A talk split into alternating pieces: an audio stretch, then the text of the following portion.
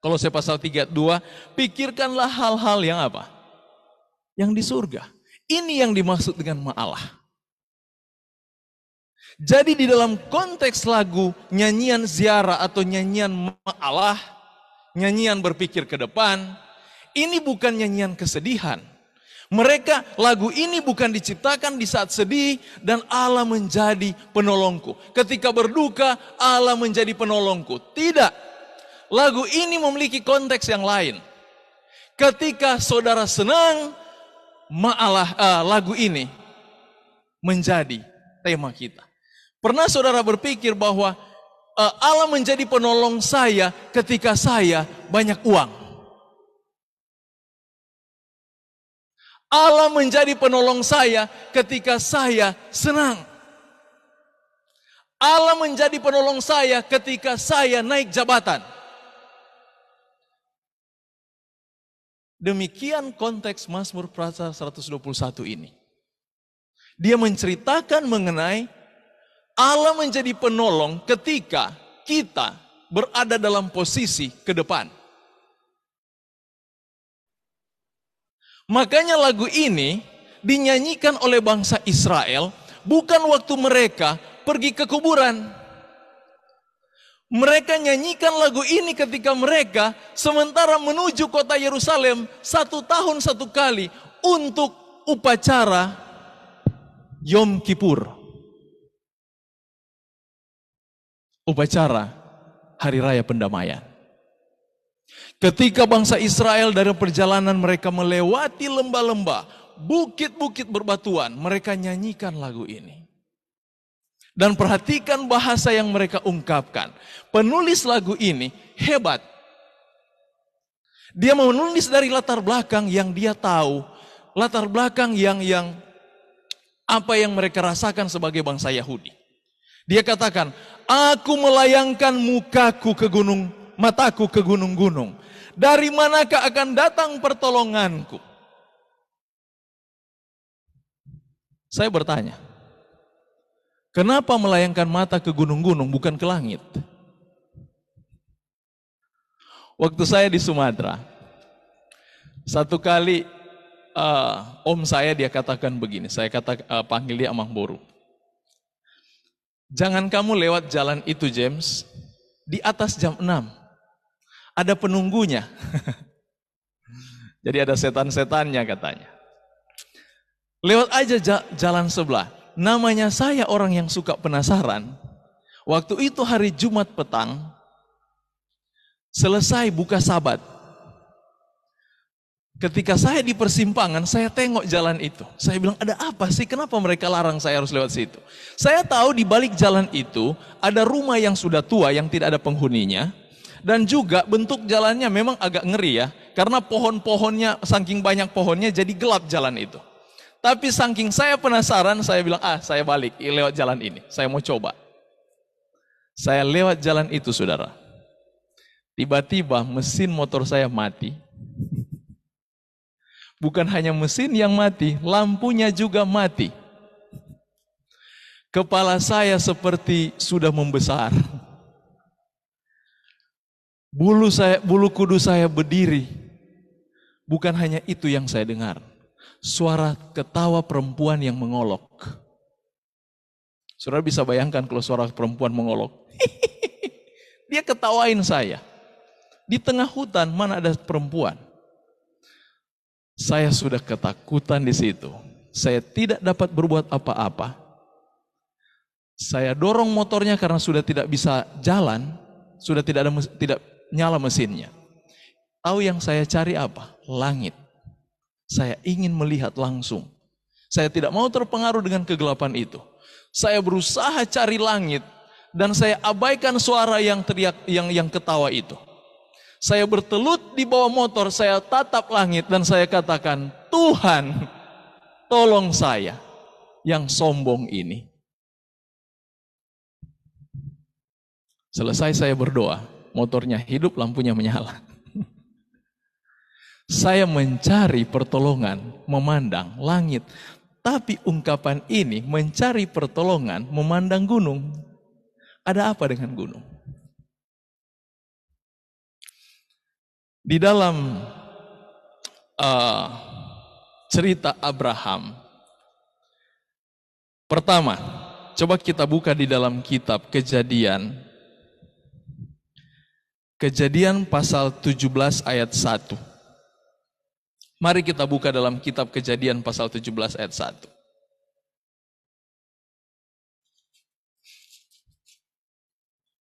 Di sini pertama Tuhan memperkenalkan diri kepada Abraham. Dia katakan begini.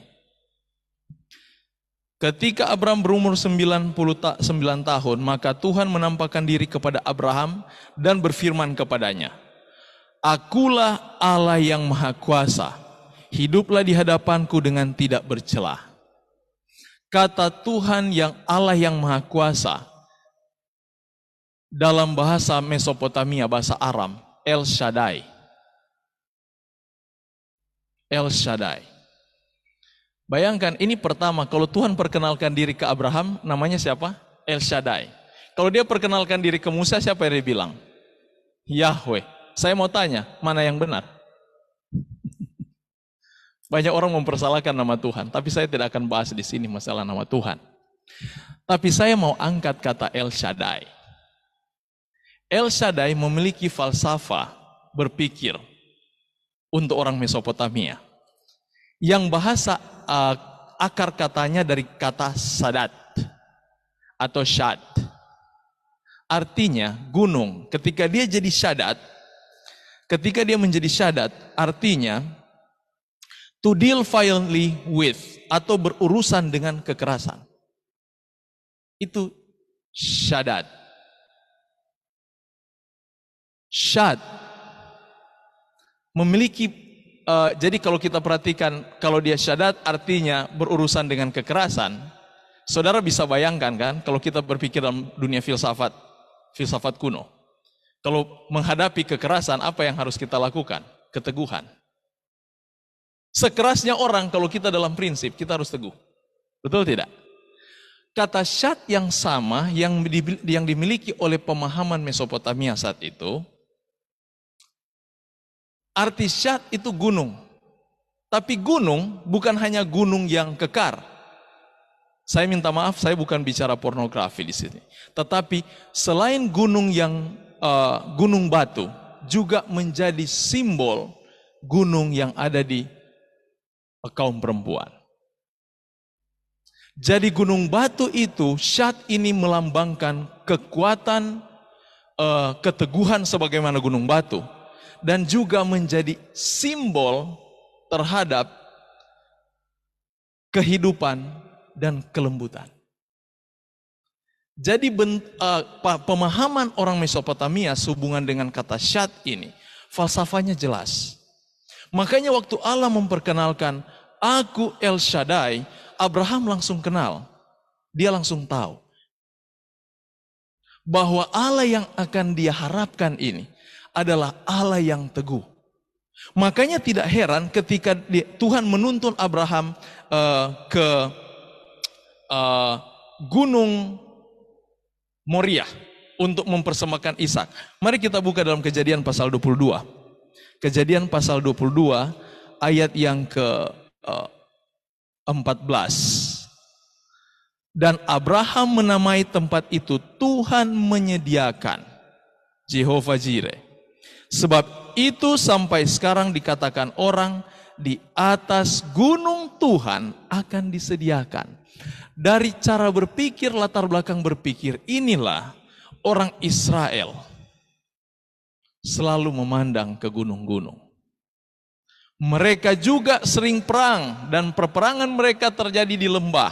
Dan ingat di Yerusalem paling banyak pegunungan.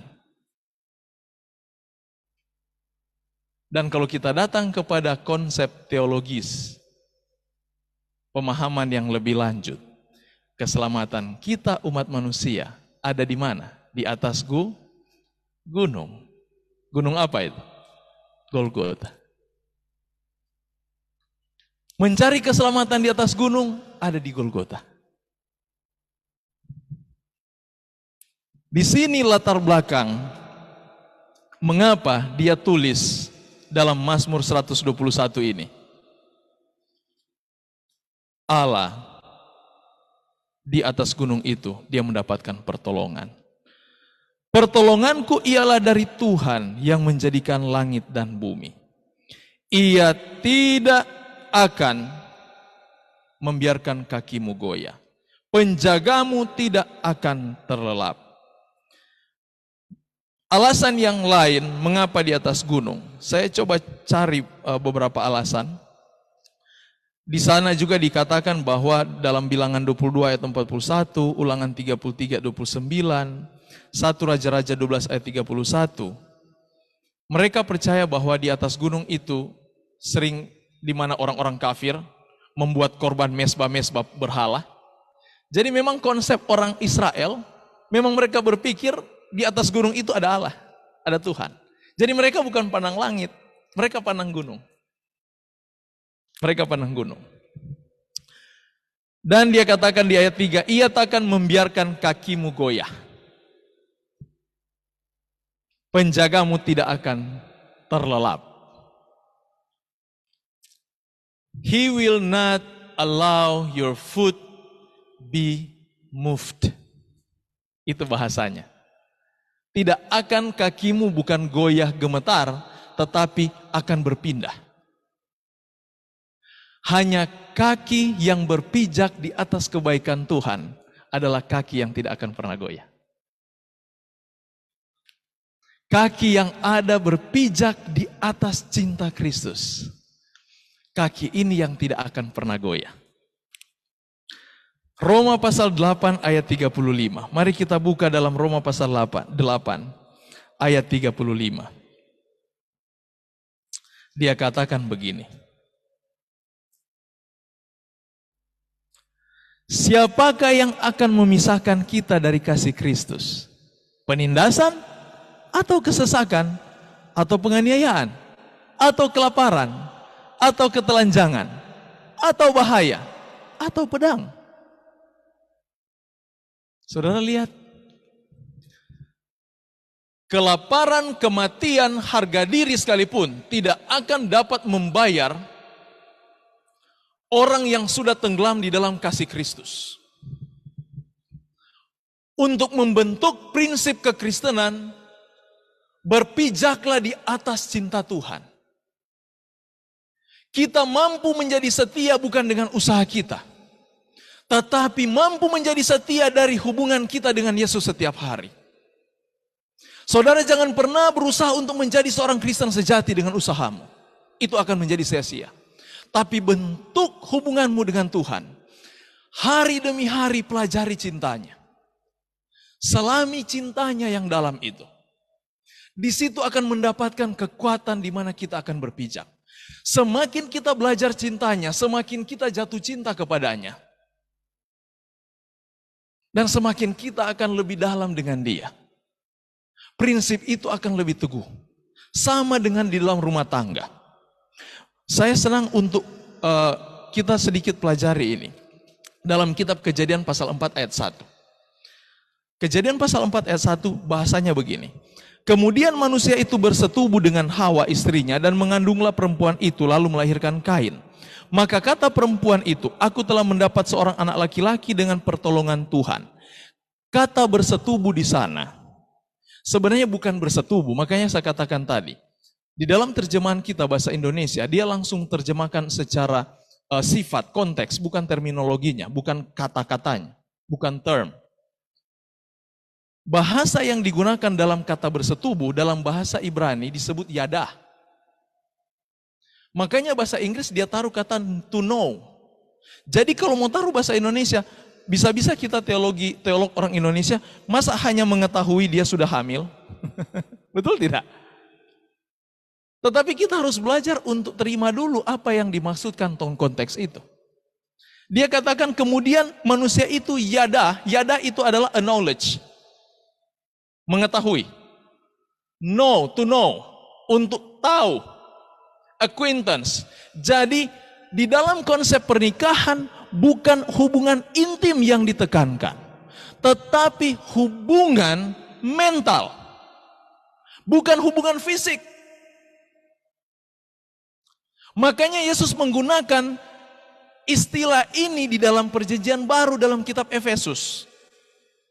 Bahwa hubungan antara Yesus dengan umat sama seperti pernikahan. Yang ditekankan di sana bukan hubungan fisik. Tetapi hubungan mental di sini tercipta cinta.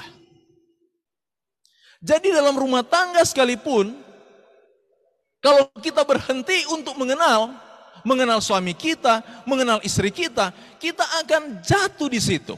Lucifer jatuh dari surga karena dia berhenti mengenal kasih Allah.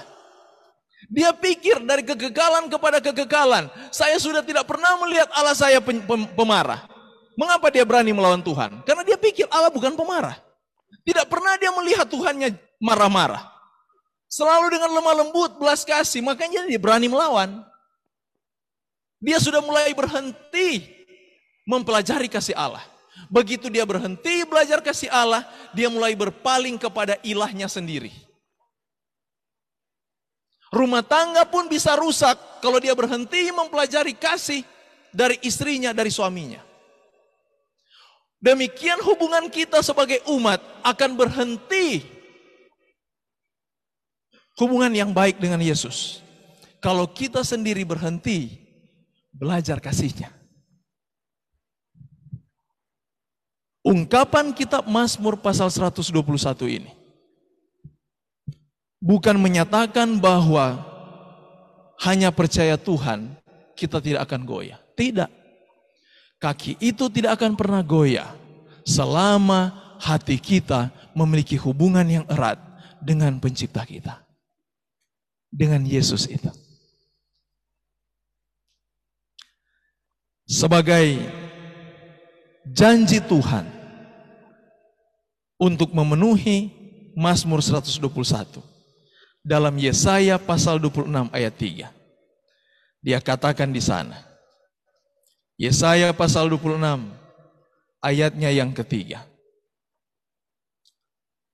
Yang hatinya teguh kau jagai dengan damai sejahtera. Saudara, damai sejahtera tidak perlu sekolah. Tidak ada sekolah menciptakan damai sejahtera. Itu tercipta oleh karena keteguhan dan keteguhan itu dibentuk oleh karena hubungan. Semakin kita berhubungan dengan juru selamat itu, semakin kita diteguhkan. Dan damai sejahtera itu menjadi upah kita. Ada orang berusaha menjadi damai sejahtera ketika dia menjadi pendeta.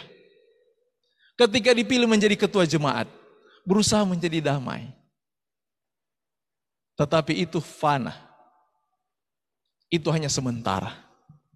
Damai yang akan menjadi kekal adalah damai yang diciptakan dari hubungan dengan Tuhan. Dan Tuhan akan menjaga kita dengan damai sejahtera. Dia katakan sebab kepadamu lah ia percaya. Tuhan akan menjaga kita umatnya. Dan dia katakan sesungguhnya tidak terlelap dan tidak tertidur penjaga Israel. Tuhanlah penjagamu, Tuhanlah naunganmu di sebelah tangan kananmu. Matahari tidak menyakiti engkau pada waktu siang, atau bulan pada waktu malam. Tuhan akan menjaga engkau terhadap segala kecelakaan. Ia akan menjaga nyawamu. Tuhan akan menjaga keluar masukmu. Dengan kata lain, baik susah maupun senang, Allah Israel menjadi penjagamu. Nyanyikan lagu pujian baginya. Jangan mencari dia menjadi Allah penolongku di saat kita susah. Tapi jadikan dia Allah penolongku ketika kita senang. Mengapa? Karena Amsal pasal 28 ayat 26.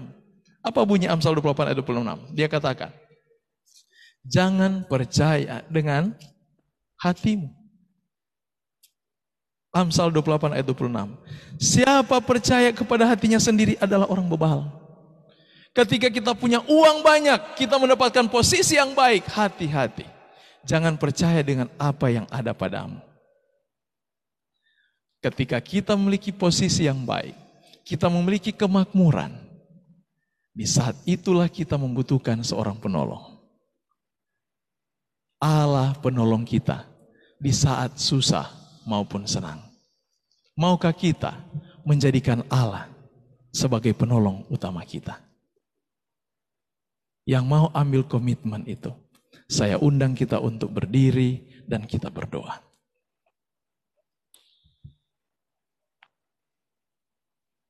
Ya Bapa, Yesus Juru Selamat kami. Terpujilah namamu Tuhan untuk kasih setiamu. Tuhan kami ingin menjadikan Engkau penolong kami bukan hanya ketika kami sakit, tapi juga kami ingin jadikan Engkau penolong kami di saat kami senang dan sehat. Tuhan ini kami. Kami ingin berkomitmen sabat ini menjadikan Engkau Allah dalam hidup kami. Peliharalah dan meteraikanlah komitmen itu dalam hati kami Tuhan Ingatlah kami debu tanah yang tidak dapat berbuat apa-apa. Tapi kami boleh hidup oleh anugerah Tuhan. Segala puji hormat bagi namamu ya Yesus. Allah yang selalu merancangkan kebaikan dalam hidup kami. Terimalah persembahan kami ini. Terimalah kami sebagaimana kami ada ya Tuhan. Di dalam nama Yesus hamba berdoa dan mengucap syukur. Amin. Silakan duduk.